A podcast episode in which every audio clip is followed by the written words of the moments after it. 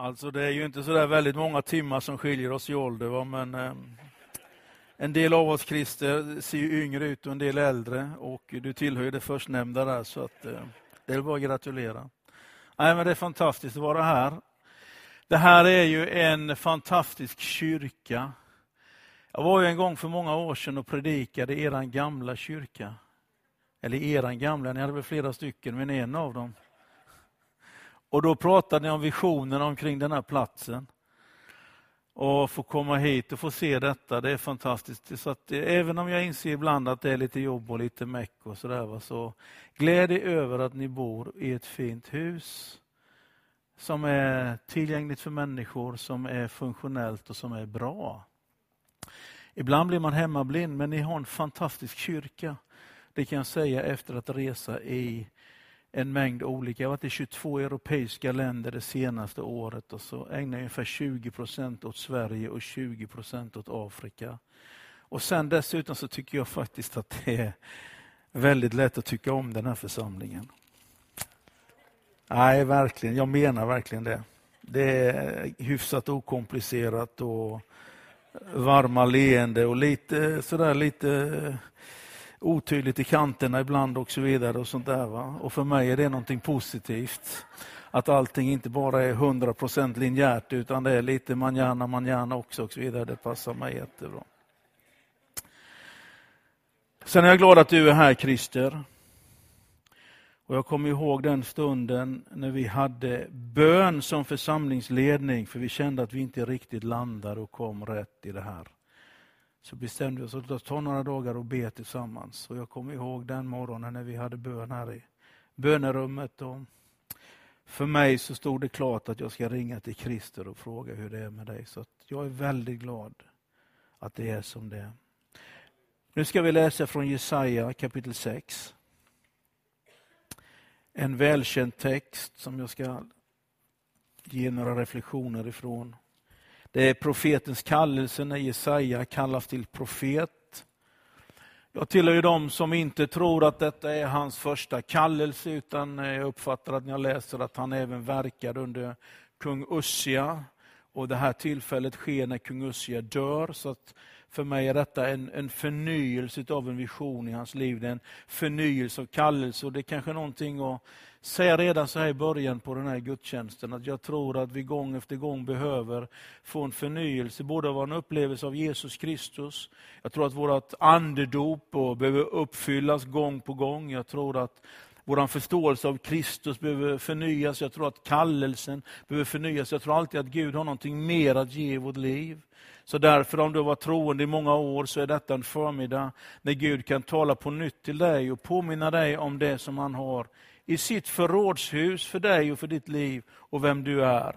Vi tror inte bara att vi lever på gamla välsignelser och gamla erfarenheter, utan vi tror att Gud han talar gång på gång. Och detta är ett tillfälle när Jesaja kallas utav den helige och då står det så här. Året då kung Ussia dog, då såg jag Herren sitta på en hög och upphöjd tron. Släpet på hans mantel uppfyllde templet. Serafer stod ovanför, var och en hade sex vingar. Med två täckte de sina ansikten, med två täckte de sina fötter och med två så flög de. Och den ena ropade till den andra, helig, helig, helig är Herren Sebaot. Hela jorden är full av hans härlighet. Rösten från den som ropade fick dörrposterna och trösklarna att skaka och huset fylldes av rök.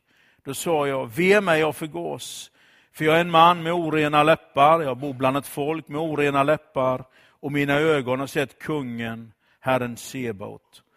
Då flög en av seraferna fram till mig.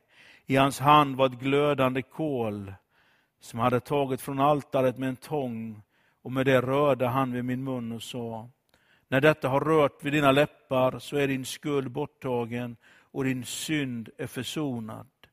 Och jag hörde Herrens röst, han sa, vem skall jag sända och vem vill vara vår budbärare? Då sa jag, här är jag, sänd mig. Jag ber dig helige Ande att du ska tala till våra hjärtan. Jag ber dig Jesus Kristus att du skulle förlåta synder för den som eh, idag bär på saker som behöver förlåtas. Jag ber dig att du ska komma med en ny vision till den som behöver det. Du ska tala till din församling, Herre Jesus, om detta fantastiska att få vara en boningsplats för dig, att få vara människor som bereder en tron för dig, en plats där du kan få regera i våra liv. Jesus, Jesus, Jesus. Jag ber speciellt för den som kanske just nu idag kämpar med svårigheter i livet.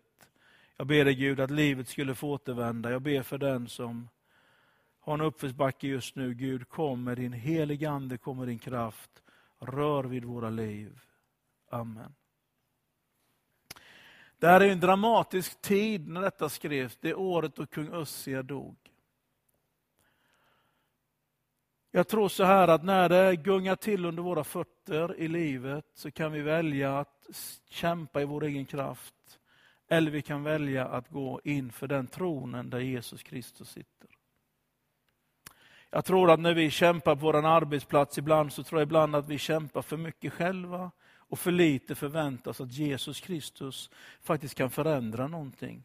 Vi har ett vägval när vi kommer i några situationer i livet, att ställa oss med våra plakat och protestera, eller att tro att det finns någon som kan göra någon förändring i det som jag har i mitt liv. Jag tänker på Europa när jag reser runt, alla dessa katedraler och alla kristna symboler runt omkring och jag tänker att alla är så måna om att tala idag om kristen kultur i Europa, politiker och andra, men det de menar det är inte livet i Jesus. Du kan titta på situationen i Bulgarien exempelvis nu, den här lagstiftningen som ska driva. Då är det politiker som talar så starkt om den kristna kulturen, men det har ingenting med Jesu kärlek att göra. Det har bara med ett konserverande utav någon konservatism och värderingar och så vidare. Men det handlar inte om livet i Jesus Kristus. Så var lite försiktig när du hör folk för mycket stå och tala om att vi måste bevara och vårda liksom den kristna traditionen. Det betyder inte alltid att det har med Jesus att göra, utan det kan betyda många, många andra saker. Ett incitament för att driva någonting som man själv tycker. Och ibland tycker jag att vi är lite blåögda som Jesu efterföljare och tror att bara någon säger kristen så tror vi att det är väldigt bra. Men det jag ser när jag reser runt omkring det är att religionen kan också vara det största förtryck en människa kan leva under. Men Jesus Kristus ger liv. Så jag har en liten svart sån där rockknapp hemma som jag inte vågar använda längre sedan jag var ordförande i Sveriges kristna råd. Men innan dess kunde jag ha den ibland och där stod det Religion kills but Jesus saves. Eh, även om jag inte använder den så är jag fortfarande rätt övertygad om att det finns många av de här sakerna som inte... Men när jag ser de här sakerna, jag ser sekularis sekulariseringen i, i, i, i, Europa, när jag ser de här ESS-undersökningarna som görs varje år, där det visas att så många unga människor har vänt Gud ryggen, samtidigt som man söker i sitt hjärta och söker i sitt liv. Och jag ser alla de bekymren och problemen där det verkar som att fler och fler tror inte längre på de politiska ordningarna. 40-50 procent av Europas unga tror inte längre att demokrati är bästa sättet att regera ett land. I allt detta, när det gungar till, så kan man välja att börja protestera eller skriva långa insändare, vilket jag tror kan vara rätt emellanåt, men jag tror framförallt primärt att du och jag behöver söka Jesus Kristus, gå inför tronen, veta liksom att det finns någon som kan göra någonting. Vi kommer att ha ett val när det gungar till i livet, i omgivningen, hur vi använder vår kraft, vilken väg vi går. Och Det verkar som att Jesaja i en tid av oro, i en tid när kungen dör och man står inför vägval, man vet inte var man ska ta vägen, så verkar det som att för honom är det självklart att komma inför tronen och bli påmind om att Jesus Kristus är den som är på tronen. Det här är ju inte Herren Jehova som sitter på tronen, utan det är det här uttrycket Adonai som finns där. Och när du läser Johannes evangeliets 12 kapitel, så säger en vers där att, att det var Jesus Kristus som satt på tronen. Det var hans härlighet som Jesaja såg. Och då tänker jag också så här i, efter jul, och man har sett Jesusbarnet i, i, i krubban och påminns om Jesus som kom till vår jord, att du vet, han fanns i den här härligheten, Jesus Kristus. Han fanns liksom i denna enorma Eh, välsignade härlighet med dessa änglar som, som, som betjänade honom med keruber som ropade ut hans helighet. Det var från den tillvaron han kom hit till jorden för att du och jag skulle få frälsning i vårt liv. Ibland så blir Jesus, lille Jesus som kom hit till jorden, men vi ska veta att han lämnade någon härlighet i himmelen. Han lämnade en helighet i himmelen. Så ibland är det bra att påminnas om Jesaja 6, men också läsa Uppenbarelseboken, exempelvis Uppenbarelseboken 19 och se när ryttaren på den vita hästen kommer tillbaka, klädd liksom i makt och härlighet, i trofasthet, för att styra den här jorden. Det är liksom det som är Jesus Kristus. Att han kommer ridande på en åsna in i Jerusalem, att han tar sig an liksom en, en låg liksom, eh, position här på jorden. Det är bara för din och min skull. Det har ingenting om vem han är, utan det är hans sätt att försöka transformera detta evangelium till den här verkligheten. Men Jesus Kristus, han är på tronen, han är den som regerar, han är den som har all makt, han är den som är kungars kung. Och runt om honom så är det en härlighet och det är en helighet. Till och med så att dörrpostarna skakar när man sjunger helig, helig, helig. Nu är ju det här ett välbyggt hus och jag har ju bott ett antal nätter här uppe i er eh, paradvåning här uppe, någonstans där uppe jämte hisstrumman eller vad det var någonstans och så vidare. Så jag vet ju att det är helt byggt där och så vidare. Det vet jag ju. Och jag vet ju en dörr kan man ju röra på, men jag kan tänka mig liksom när hela fundamenten skakar, liksom att då är det kraft. Men jag tänkte på det när jag var i Grekland och predikade för några veckor sedan. Precis innan jul så var jag upp till Filippi. Tittade liksom på den här hålan och det här stället där de tror var fängelset och blev påminn om detta att när Paulus sjunger lovsång och Silas när de prisar Jesus, då är det samma sak att då skakar det till någonting liksom i dörrpofterna, då är det någonting i själva grundvalarna. Så att tillbedjan och lovsång till honom är någonting som förändrar verkligheter och kan få det mest grundläggande faktiskt att röra på sig. Situationen på din arbetsplats, situationen i din familj, situationen med dina barn, situationen som du har runt omkring dig, så finns det en kraft som kan förändra någonting. Och det är inte alltid att det börjar med vår egen förmåga, vår egen styrka, utan det börjar med oss inför tronen. Vara med liksom upphöja hans namn, denna helighet. Så där du är i livet idag, där du kanske kämpar på din arbetsplats, att ägna lite extra tid kanske till bön, att ägna lite tid liksom extra med öka dosen med lovsång, öka dosen med bibelläsning, komma lite mer in i det läget, mer än att du känner att bara adrenalinet pumpar på, svetten kommer i händerna och du är irriterad över alla medarbetare och du har använda armbågarna, så tror jag ibland faktiskt att det finns en högre väg att gå i ditt och mitt liv, där vi kan få vara med och förändra saker och ting i tillvaron. Och Det finns ett val som vi kan göra. Vi kan förlita oss på vår egen kraft eller komma inför honom och få ett budskap, få ett meddelande, få en vision, få en tanke, få någonting som vi kan gå med. Och Det är det som händer med Jesaja det här ögonblicket. Och då när han kommer inför den här heligheten så inser han ju också sin egen synd. Då inser han liksom att han bor bland ett folk som har orena läppar. Och Det kan du och jag ibland konstatera att det är hemskt och alla är ogudaktiga. Men det kanske viktigaste av allt är att han inser att han själv har orena läppar. Det vill säga att han inser sin synd i detta. Och Jag tänker att när man kommer inför Jesus Kristus, när man kommer i närheten av honom, så blir han stor och han blir helig och han blir upphöjd. Och jag blir påmind om vem jag är i mitt liv. Jag får insikt om hur det verkligen står till. Ibland tyvärr är det så att när vi vandrar med Jesus Kristus så är det ibland tyvärr så att vi blir större och Jesus blir mindre. Men det verkar som att när vi vandrar med honom då blir vi lite mindre och han blir lite större. Paulus han skriver när han skriver till eh, Korintierna någon gång 55-56 efter Kristus. Man får ju vara passa sig lite grann när man har Krister på första raden och några andra här slipade teologer i, i sammanhanget. Men när han skriver till Korintierna någon gång 55-56 så konstaterar han ju där att han i det 15 kapitlet att han är den minste bland apostlarna. Alltså det var inte så mycket med honom. fem år senare så har man hoppats kanske att det blir bättre. När han skriver till Efesierna under sin fångenskap de konstaterar att han inte är den minste bland apostlarna bara, utan då är han också den minste bland alla de heliga.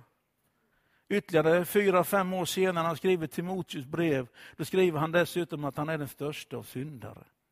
Det är som att han liksom inte riktigt liksom blir större och större i sig själv. Utan det verkar som att det blir lite besvärligare och besvärligare på insidan. Jag är den minsta av apostlarna. Nej, men jag är det visst de minsta av de heliga. Nej, men till slut så konstaterar jag att jag är faktiskt den största bland syndare. Men det betyder ju inte att kraften blir mindre i hans liv. Det betyder ju inte att han blir mindre frimodig inför kung Agrippa, inför guvernörer, inför tjejer. Det betyder ju inte att han fick mindre kraft. Det betyder bara att han fick mer och mer kraft. Så jag tänker man kan ha liksom lite vaksamhet över sitt eget liv, omkring sin egen syn på sin rättfärdighet och vem man är. Och ibland när vi får för stora ord och tonläget blir lite för högt i våra liv, då tror jag faktiskt att det har att göra med vår brist på gemenskap och relation med Jesus Kristus. För jag tror att när vi är med honom, då blir vi inte bäst och störst i klassen, utan då blir det någonting annat, men han blir desto större. Och jag tänker som predikant, för jag kämpar med det också ibland. Man kan känna sig frestad ibland att man ska försöka säga någonting som folk inte har hört innan. Man ska försöka liksom imponera lite grann med liksom sitt sätt att förkunna. Nu har jag liksom aldrig haft riktigt eh, för, varken förmåga eller läggning åt det, men jag kan ändå konstatera att jag ibland liksom känner den frestelsen att försöka wowa publiken på något sätt. Va? Men det har ju ingenting med Jesus att göra, det har ju med mitt eget kött att göra. Att jag försöker liksom att ska göra någonting istället för att se till att den som är upphöjd, den som är på tronen, den som ska ha läran, den som är helig, det är Jesus Kristus. Och det är han som är stor. Och där gör det ingenting att du och jag ibland kämpar på insidan i vårt liv. Så att om du känner att du kämpar lite grann på insidan med din självbild, vem du är, så ska du veta att det diskvalificerar dig inte för att vara till stor välsignelse och betydelse för människor. Det begränsar inte din förmåga att, att vara till välsignelse för den som är runt omkring dig. Att du kämpar på insidan betyder inte att inte Guds kraft kan strömma igenom ditt liv, utan det är precis tvärtom, att det verkar som att i den svagheten som vi bär i, säger Paulus, så är faktiskt kraften som allra störst i våra liv. Och jag tror att den påminnelsen den kommer när han är helig, när vi är inför tronen. Det är då balansen om vem vi är, vem han är, det är då det återställs. Johannes döparens lärjungar de var ju förtvivlade när de konstaterade att den nye som kom där, Jesus, han gjorde större under och tecken än vad Johannes gjorde. Han döpte själv och han betydde någonting annat. Men då har Johannes döparen den insikten att han inser att det här är helt riktigt, han blir större och jag blir mindre. Det är den riktningen. Vet du. Ju mer det sker i våra liv, ju större kraft och större välsignelse. Så jag tänker att den ödmjukheten som händer i vårt liv, det är ju inte en ödmjukhet som gör att vi tänker illa om oss själva, utan det är någonting annat. Och C.S. Lewis är kanske den som har beskrivit det bäst. Han säger att ödmjukhet, det handlar inte om att man tänker mindre om sig själv, utan det handlar om att man tänker mindre på sig själv. Det vill säga att det är någonting annat i vårt liv som gör att det kommer upp. Men jag tror ibland att du och jag ibland justeras i vår insikt om vem vi är. Samtidigt som vi är älskade av honom så inser vi att det är inte min egen förmåga till slut som kommer att förändra. Och kära församling i Enköping, i ena kyrkan. Det är inte heller er egen förmåga och er egen kraft som kommer att förändra den här staden. Utan det är Jesus Kristus som kan göra det. Och ju mer han får vara på tronen i våra liv, ju mer han får vara centrum i vår gemenskap, ju mer det är honom vi tillber, ju mer det är han som är där, ju mer kommer den här kraften att läcka ut från vem vi är.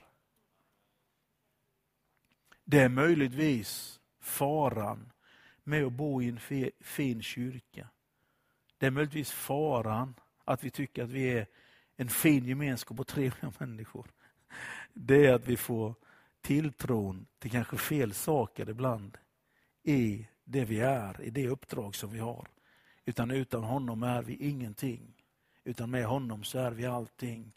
Så att du kämpar på insidan betyder inte att du är diskvalificerad i Guds rike. Att du kämpar med de här sakerna som Paulus uppenbarligen själv funderade över, vem är han i sig själv, betyder inte att han blev mindre frimodig, att han planterade färre församlingar, att han liksom kämpade mindre mot lejonen, att han liksom böjde ner sig mer i fängelset, utan det gav en ny styrka och ny kraft, men han visste vad det var som var det viktiga i hans liv, i profetens liv händer samma sak när han är med om det här. Och jag tror kanske om vi påminner oss om Ussia så... Hur många av er har läst på om Ussia ordentligt? Ja, det är några stycken här, men ni vill inte vinka nu för att då känner ni att det inte är ödmjukt. Men i alla fall, det kvittar, vi kan hoppa över det. Men kung Ussia, vet du, han blev ju kung när han var ganska ung, 16 år. Och då sökte han Gud och han levde med Gud och, och då står det att det gick bra för honom i hans liv. Han var ju en av dem som, som eh, uppfann en massa, man tror att han bland annat uppfann de här katapulterna. Det finns en beskrivning där vilka krigsmaskiner han hade i tornen som stod i hörnen på den befästa staden. Och det gick väldigt bra för honom.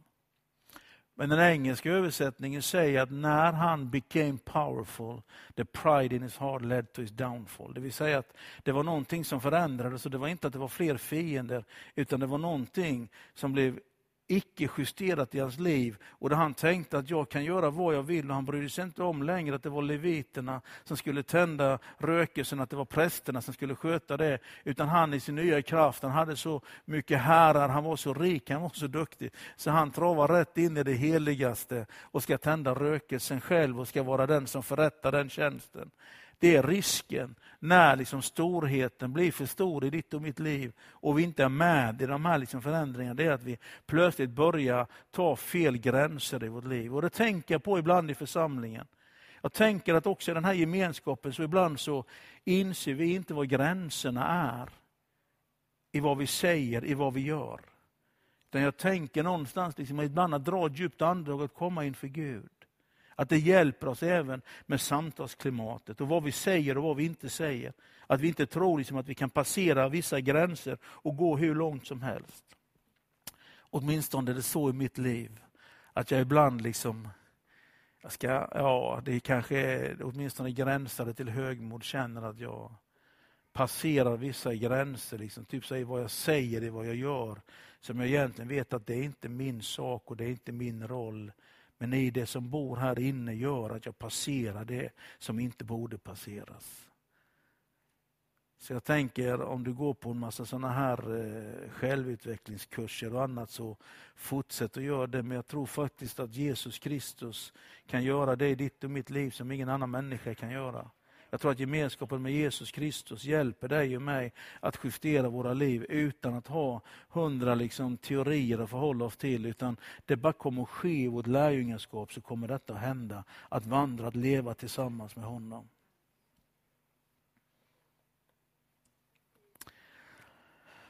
Sen mitt i allt den här så hörs den här rösten då, vem ska jag sända och vem ska gå? Vem vill vara min budbärare?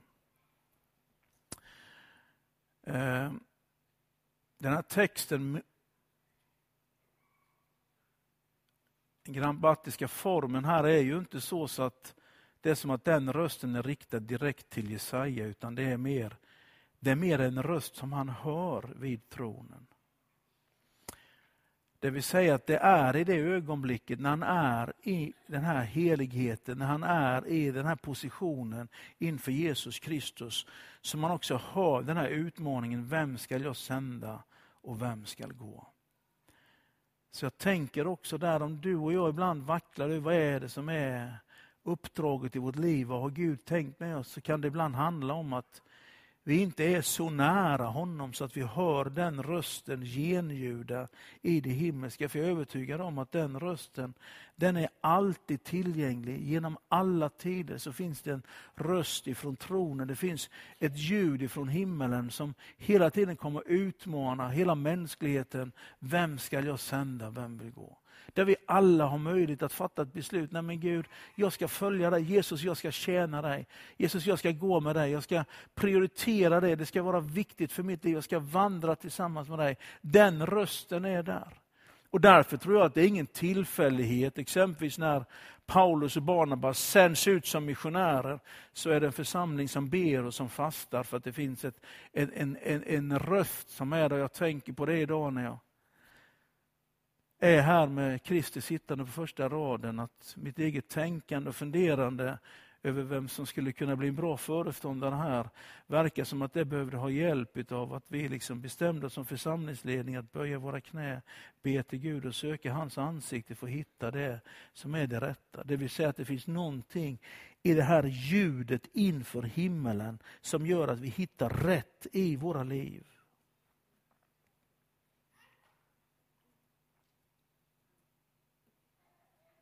Vem ska jag sända? Vem ska jag gå? Jag vet inte om, om det är viktigt för dig i ditt liv att tjäna Jesus med ditt liv. Jag vet inte om det är viktigt för dig. Om det inte är viktigt så kan det ha att göra med att du har prioriterat bort den tiden med honom.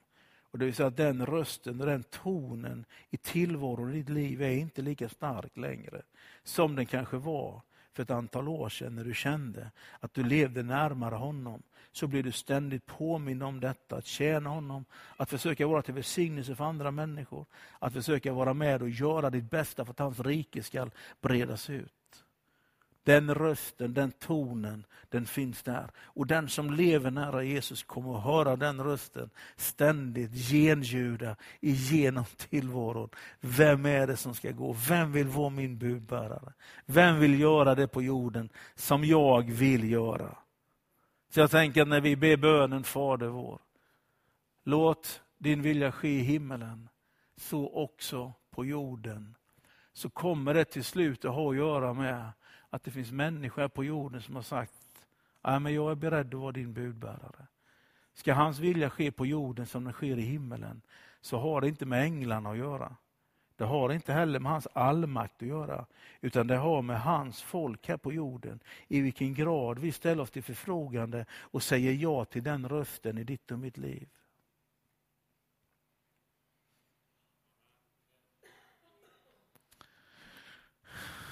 Du kanske också känner dig, inte vet jag, påminn om din synd i ditt liv. Då är inte heller det någonting att vara alltför ledsen över. Utan det verkar som att det är i närheten av honom som vi blir påminna om detta. Det är som att det är i närheten med honom som vi förstår, kom och möt mig. Och du ska veta att det finns alltid hjälp att få med det som vi kämpar med i vårt liv. Det finns ingenting som är så mörkt utan att Jesus kan förlåta det. Det finns ingenting som är så uselt utan att han kan ta hand om det. Det finns ingenting i ditt liv som är så skämmigt, som är så skamfullt så att Jesus Kristus inte kan hjälpa dig med det. Och Det som är det bra med Jesus, uppfattar jag när jag möter människor, det är att våran synd, den blir förlåten. Och den skammen som vi ibland bär med oss som en konsekvens av synden, den kommer Jesus att älska bort i ditt och mitt liv. När vi vet vem vi är i honom och vi får uppleva hans kärlek så kommer också någonting av det här själsmässiga kaos i vårt liv också att helas och läkas i ditt och mitt liv. Därför tror jag att det är så enkelt som att när jag gick omkring med en tröja på 70-talet som stod Jesus, han är svaret. Och vi har ägnat sedan 30 år att förlöjliga detta och säga, men vad är frågan? Så tänker jag att jag har lust att ta fram den här tröjan igen, för jag tänker att Jesus han är svaret oavsett vilken fråga du har. Så är det han som kan hjälpa, det är han som kan lösa det. Det är han som är din bäste vän, det är han som hjälper dig att få reda på ditt liv. Det är han som kan hjälpa dig med orientering i ditt liv. Det är han som kan hjälpa dig med din självkännedom. Det är han som kan hjälpa dig att förlåta den som skyldig dig är och något. Det är han som kan göra det undret i ditt och mitt liv. Det är han som kan få inte bara dörrarna att fara fram och tillbaka, som jag tänker på ibland när jag tittar på alla dessa andeprogram som är på tv-programmen och så vidare. Det, det, är liksom någon, det, är någon, det är någon takkrona som gungar eller det är någon dörr som far lite fram och tillbaka. Men jag tänker när Jesus kommer, då, vet, då åker dörrpostan, då, vet, då är det mer grejer som rör på sig. Vet du. Då är det inte liksom lite sådär liksom att det är någon värme som rör på några grejer, utan då märks det på riktigt. Så vi är med Jesus Kristus. Så det du kämpar med i ditt liv, Ibland kan vi bli rädda att komma inför Jesus. Vi tänker att Nej, men jag är, det är så mycket elände i mitt liv. Men du vet, det är inte Jesus, utan Jesus han kallar dig med sina öppna armar. Du behöver aldrig vara rädd för hans helighet, för det finns ingenting i hans helighet som kommer att skada dig. Du behöver aldrig vara rädd för att han är på tronen och för att han har all makt. Det finns ingenting där som kommer att skada dig, utan det finns bara någonting där som kan hela dig. Det finns bara någonting där som kan göra allting nytt i ditt liv. Och Det är därför jag är så glad för att vi ber för varandra. För jag tror ibland att handpåläggning kan vara med och förmedla någonting som vi ibland själva inte riktigt kan tro på. Det är inte så att de här händerna gör någonting, men vi tror att Jesus Kristus kan använda bröder och systrar liksom för att förmedla någonting in i våra liv som vi behöver. Hälsa, eller kanske förlåtelse eller någonting annat, så kan detta. Och idag kommer det vara ett sådant tillfälle när det finns möjlighet att få förbön. Och du kanske bär på någonting i ditt liv där du har frihet i ditt liv. Du kanske har förlorat visionen i ditt liv, men det finns någonting nytt att få tag på. Du kanske har nedprioriterat att tjäna Jesus med ditt liv, men det är ett bra tillfälle att bara fatta ett nytt beslut. Ja, men Jesus, det är dig jag vill tjäna. Sen säger ju Efesierbrevets andra kapitel, eller tredje kapitel är det väl? Är det andra eller tredje kapitlet? Kan ni svara på det innan jag ens har sagt vad det gäller? Då måste man säga att ni har god profetisk gåva. Han som kan göra långt mer än allt vi ber eller tänker om genom den kraft som verkar i oss. Hans är äran i församlingen och i Kristus Jesus. Så jag tänker det vi läser om i Jesaja 6, hela den dynamiken, den tror jag kan bo i hans församling. Det vill säga att jag tror att hans församling, när han är på tronen, när vi tillber honom, när vi är med liksom och förstår att han är helig, när allt detta uppstår i hans församling, då tror jag också att församlingen är en plats där människor kommer bli påminda om sånt man behöver ställa till rätta i sitt liv. Det är en plats där man kan få en ny vision för sitt liv. Det är en plats där allt detta kan hända. Det är som att han sitter på tronen i himmelen, men han bor också i sin församling. Han sitter på tronen i all makt, men han finns också i den här gemenskapen. Härligheten bor bland hans folk på det här sättet. Så därför tänker jag att eh, tappa inte visionen med församlingen. Förlora inte visionen att få ha en plats i Enköping där människor kan komma och få till rätta med sin synd, där människor kan bli av med sin skam, där människor kan bli förlåtna. Där människor kan bli påminda att även om jag känner mig som den största av syndare så finns det en plats vid Herrens bord. Även om jag känner att jag ingenting är värd så betyder inte det att han blir mindre utan han kan bli större i allt det som jag kämpar med i mitt liv. Att det finns en plats där han bor i den här staden där, där människor kan få möta detta fantastiska. Bli påminna om att jag är inte bara utlämnad till min egen förmåga. Jag är inte bara utlämnad till min egen kraft utan Jesus Kristus, du kan göra någonting i mitt liv. Du kan hjälpa mig. Så vi ska även be för dig, du som behöver hjälp i ditt liv, i ditt äktenskap, med din sjukdom,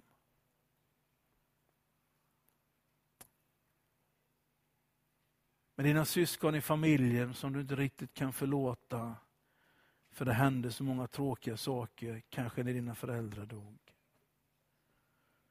Att kunna förlåta en mamma, en pappa som har gjort mig illa genom livet. Att få kraft att ta tag i sådana saker som känns så svåra i vårt liv. Men vi tror att med förbönens hjälp så kan vi får liksom en knuff i ryggen eller vi kan få hjälp i någonting att komma iväg i det som Gud har tänkt. Så jag tror att det som händer i Jesajas liv när han kommer inför tronen, jag tror att det kan hända i den här gudstjänsten idag eftersom jag är övertygad om att Jesus Kristus han var på tronen inför Jesaja. Men jag vet också att Jesus Kristus, han är på tronen i vår församling idag där vi bor, där vi är, så finns han med sin härlighet och sin helighet. Och det handlar inte om vår förträfflighet, det handlar inte om vår storhet, utan det handlar om att han förmår att göra under, göra tecken. Han är herras herre. Han är kungars kung. Han är den som regerar.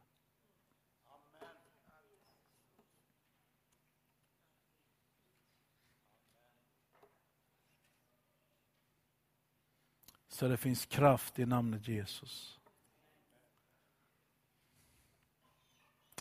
Halleluja.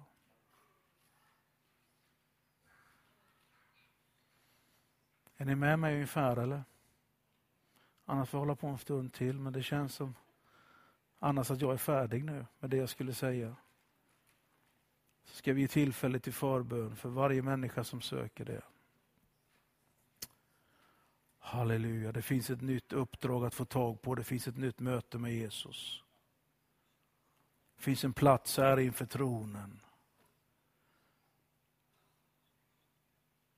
Jesus är helig, Gud är helig. Men vi är välkomna med vårt kämpande i vårt liv, vem vi än är.